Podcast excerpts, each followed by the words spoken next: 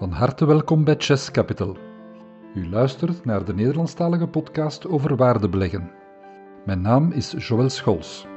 Samen met mijn medeoprichter Sam Hollanders lezen we de boeiendste boeken en volgen voor u de memo's en blogs van de grootste waardebeleggers. Alle afleveringen zijn gebaseerd op teksten die u vindt op onze website www.chesscapital.be. Hallo beste luisteraar. Toen ik het artikel Ondernemers op de beurs aan het inspreken was voor de podcast, dan maakte ik me de bedenking op het einde dat ik een heel belangrijk punt niet heb aangekaart. En dat wil ik u niet onthouden en daarom neem ik nu een deel 2 op. Het gaat over de bril waarmee mensen naar de beurs kijken, of beter gezegd nog het verschil in bril waarmee gekeken wordt. Investeerders die kijken namelijk met een andere bril dan ondernemers.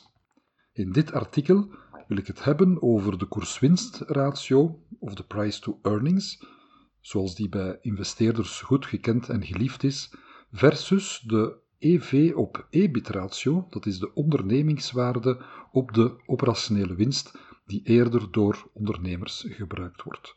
Die EV op EBIT ratio in het Engels heeft ook een mooie uh, naam gekregen en dat is de acquirers multiple, dus de coëfficiënt die ondernemers gebruiken om een onderneming te gaan waarderen. Het gelijknamige boek trouwens van Tobias Carlisle is zeer de moeite en kan ik aanraden in dat verband.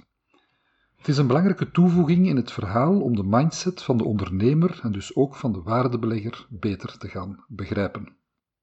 Laat ons beginnen met na te gaan hoe een investeerder kijkt naar een investering. Wanneer je je kapitaal plaatst, zoals mijn ouders dat plechtig noemden, dan kijk je naar de opbrengst. Bij een plaatsing in kasbons, staatsobligaties of bedrijfsobligaties vertaalt zich dat in een jaarlijkse vaste interest. Je blokkeert je geld op een of andere manier en krijgt daar een return voor terug. En afhankelijk van het risico dat je neemt, is dat zeer weinig voor de zogenoemd veilige beleggingen, in coronaperiode lage rentes en wellicht voor lange tijd, of is dat juist heel veel voor bedrijven die wankel staan en obligaties uitschrijven, zoals bijvoorbeeld deze dagen de Kroese maatschappij, grootste uh, maatschappij ter wereld, Carnival, die een obligatie uitschrijft aan 11, of ik las zelfs ergens 11,5 procent. Dus getuigt van weinig zekerheid en dus een hoog risico. Laat ons nu kijken naar aandelenbeleggingen op de beurs. De price-earnings ratio, koers-winstverhouding in het Nederlands, is een term die gebruikt wordt om aan te geven hoe duur of hoe goedkoop een bedrijf is op de beurs. En je kan dit als volgt gaan bezien. De price is de plaatsing die je doet en de earnings is de rente die je bekomt. Price is, kan de prijs van een aandeel zijn. En als je vermenigvuldigt met het totaal aantal aandelen op de beurs, dan heb je de totale marktkapitalisatie. En dan moet je natuurlijk gaan delen door de winst van de onderneming. En als je dat doet, de eh, prijs delen door de earnings of totale marktkapitalisatie delen door de uh, totale winst van het bedrijf, dan heb je uiteraard dezelfde verhouding, dezelfde PE-ratio. Nu, het grote verschil tussen de vastrente van daarjuist en de earnings die we zo net bespraken, is natuurlijk de zekerheid van die winsten, want die kunnen nogal zeer sterk schommelen van jaar tot jaar. Deze manier van kijken, de PE-ratio, is dus volledig ingegeven door de bril van de financiële man. Ik geef iets uit, ik ga een kapitaal plaatsen en hoeveel procent krijg ik daarvoor terug? Omdat de twee elementen zo eenvoudig te produceren zijn, de price en de earnings, dan is het ook niet verwonderlijk dat het een zeer populaire ratio is, zeker bij beginnende beleggers. Het is namelijk heel eenvoudig wanneer je een aandeel gaat opzoeken of je gaat een screener bekijken, dan zie je die price-earnings ratio zo ongeveer telkens terugkomen, heel eenvoudig te produceren. Er zijn echter problemen met zowel de teller als de noemer in deze meest gekende waarderingsratio. Laat ons eerst kijken naar de teller, de prijs die je bepaalt voor het aandeel. Velen denken dat de prijs is die je betaalt voor de ganse onderneming. Echter, dat is niet zo. Die prijs is niet wat je betaalt voor de onderneming, maar wel voor de onderneming plus de cash min de schulden. Ik kom daar zo dadelijk nog op terug. De noemer, laten we daar eventjes naar kijken, die is eigenlijk problematischer. De winsten vind je in het onderste lijntje van de boekhouding, maar weet dat tussen het bovenste lijntje, de omzet, en het onderste, de winsten, nogal wat vrijheid genomen wordt om te schuiven. Om winsten mooier voor te stellen, gebeurt het dat kosten doorgeschoven worden naar een volgend jaar, of omgekeerd, om niet te veel winst te maken en dus fiscale optimalisatie te gaan doen, kan het zijn dat er extra kosten in rekening gebracht worden. Dat kan allemaal legaal volledig in orde zijn, maar voor de investeerder wordt het wel een hele klus om er aan uit te kunnen. En dus kom je daar met die earnings op een niet al te betrouwbare post in de jaarrekening waar je naar aan het kijken bent. Maar het kan ook zijn dat een bedrijf hoge vaste kosten heeft en wanneer je een jaar hebt met een iets slechtere omzet, dan ga je ook een mindere bruto marge maken op je producten en dat kan een zeer zware impact hebben op de winst, waardoor die winst ook weer heel fel kan gaan schommelen of zelfs een verlies kan laten zien. En een negatieve price-earnings ratio, daar word je ook al helemaal niet wijzer van. Dus netto-winsten zijn zeer bewegelijk, zeer volatiel en dus minder betrouwbaar. Hoe kijkt een ondernemer langs zijn kant naar een over te nemen bedrijf? Wel, die kijkt op een heel andere manier naar een bedrijf dan de investeerder. Ik moet zelfs toegeven dat het bij mijn eerste beurstransacties voor mij een beetje moeilijk was om die price-earnings ratio van de investeerders te omarmen. En tot de dag van vandaag, moet ik zeggen, is het nog altijd geen grote liefde wat mij betreft. Ondernemers gaan, wanneer ze een bedrijf willen overnemen, een waarde trachten te bepalen. Het is niet de bedoeling om hier in detail te gaan over waarderingen, want dat gaan we later nog wel eens doen, maar het is nuttig om te begrijpen hoe ze daarbij te werk gaan. Om de waarde te bepalen zijn er veel wegen die naar Rome leiden, maar ondernemers zijn soms ook luie mensen. En wat ze dikwijls doen is gaan kijken naar de winst van de onderneming en daar een coëfficiënt, een zogenaamde multiple, op loslaten. Echter, men start nooit bij de netto-winst, die fameuze earnings van daarstraks. Men gaat hogerop in de resultaatrekening kijken. Maar waar dan precies? Wel, laat ons de resultatenrekening eventjes kort overlopen, en ik ga het proberen niet te technisch te maken. En we gaan beginnen bij de topline, zoals men het zo mooi uitdrukt in het Engels, dus bij de omzet. Wanneer je van de omzet de kosten van goederen voor verkoop aftrekt, dan bekom je de bruto marge de gross profit. Ik geef ook dikwijls, zoals u al gehoord hebt, de Engelse termen mee, omdat je die zo vaak tegenkomt en het dus wel handig is om die te kunnen naast de Nederlandse termen naastleggen. Dus we hebben de gross profit, nadat we de cost of goods, de kost van de goederen, hebben afgetrokken.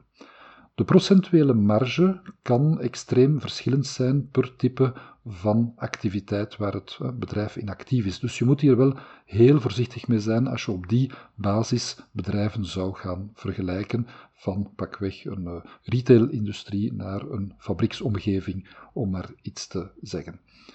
Vervolgens trek je de algemene kosten af, dus van die gross profit trek je de algemene kosten af, zoals personeelskosten, marketing, onderhoud van gebouwen en dergelijke.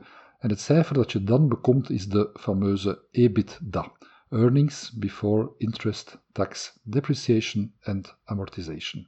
Een mond vol en geen exact gedefinieerd boekhoudkundig begrip, waardoor ik het liever niet vertaal in het Nederlands. Wat soms wel gebruikt wordt, maar een beetje verwarrend is, is operationele kaststroom, maar eigenlijk kan je dat wat mij betreft ook weer snel vergeten. Maar je kan wel aan de slag gaan met die EBITDA. En die wordt dan ook gebruikt om een schatting te maken van de ondernemingswaarde. Zo zie je dan bijvoorbeeld dat een bedrijf gekocht wordt voor vier keer de EBITDA, vijf keer, tien keer, afhankelijk van de industrie waarin het bedrijf actief is. Echter, in die EBITDA zitten geen afschrijvingen en waardeverminderingen. En dat is toch wel een hele belangrijke post. Een waardebelegger gaat hier altijd rekening mee houden. Een softwarebedrijf is niet kapitaalsintensief en heeft weinig afschrijvingen in vergelijking met een kapitaalsintensieve onderneming die bijvoorbeeld fabrieken heeft. We nemen deze posten toch liever mee in rekening Want ook al gaat er geen cash buiten bij een afschrijving, het zijn wel effectieve kosten. Die cash is ooit wel eens buiten gegaan. En wanneer machineparken moeten vernieuwd worden, dan zal die cash later ook nog wel eens buiten gaan. Dus hier wordt nogal licht overgegaan dikwijls en het is toch wel echt belangrijk om die mee te nemen in de berekeningen.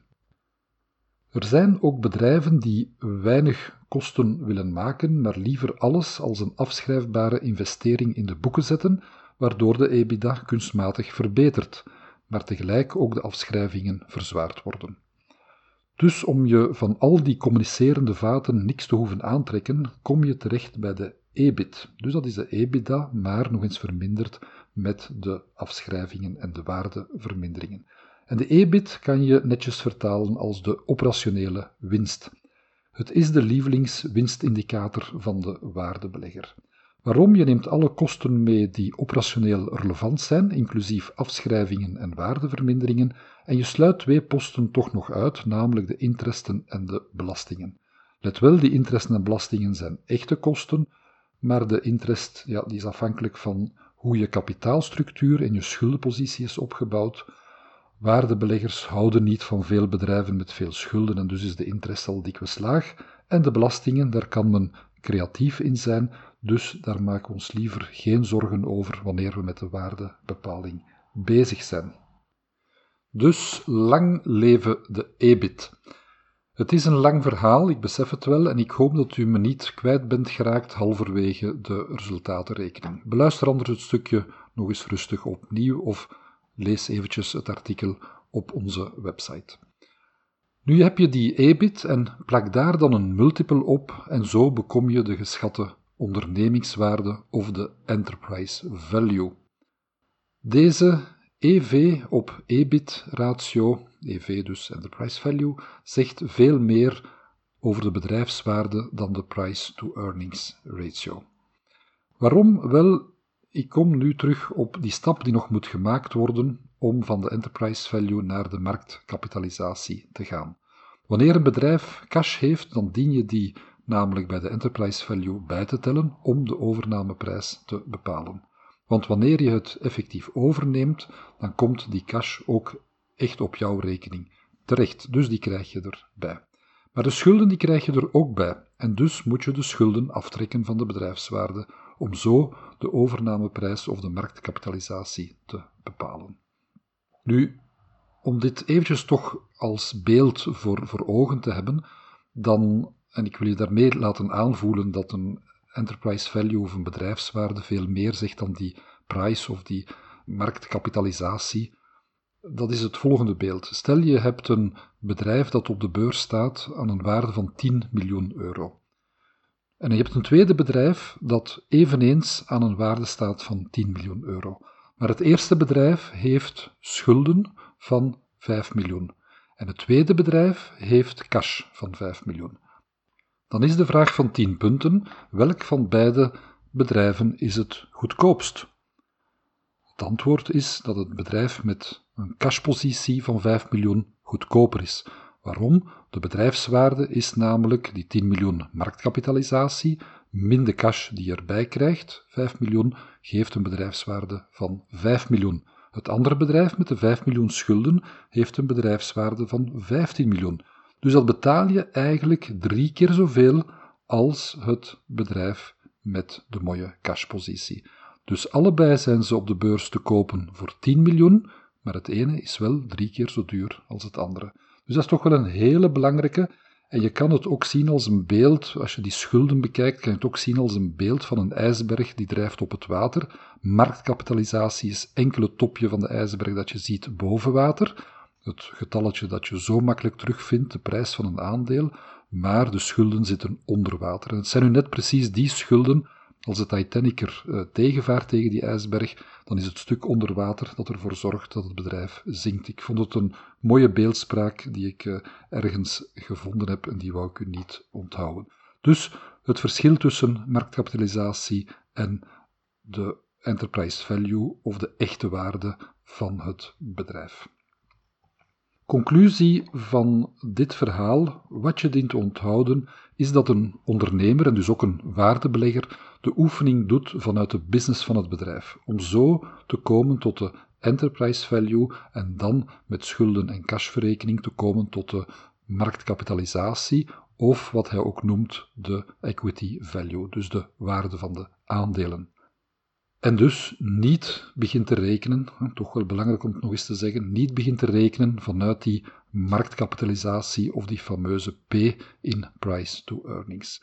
Voor ons is dat echt wel de omgekeerde beweging die moet gebeuren. Als ik zeg voor ons, dan bedoel ik voor de waardebelegger of de ondernemer versus de manier waarop een pure investeerder kijkt naar een investering.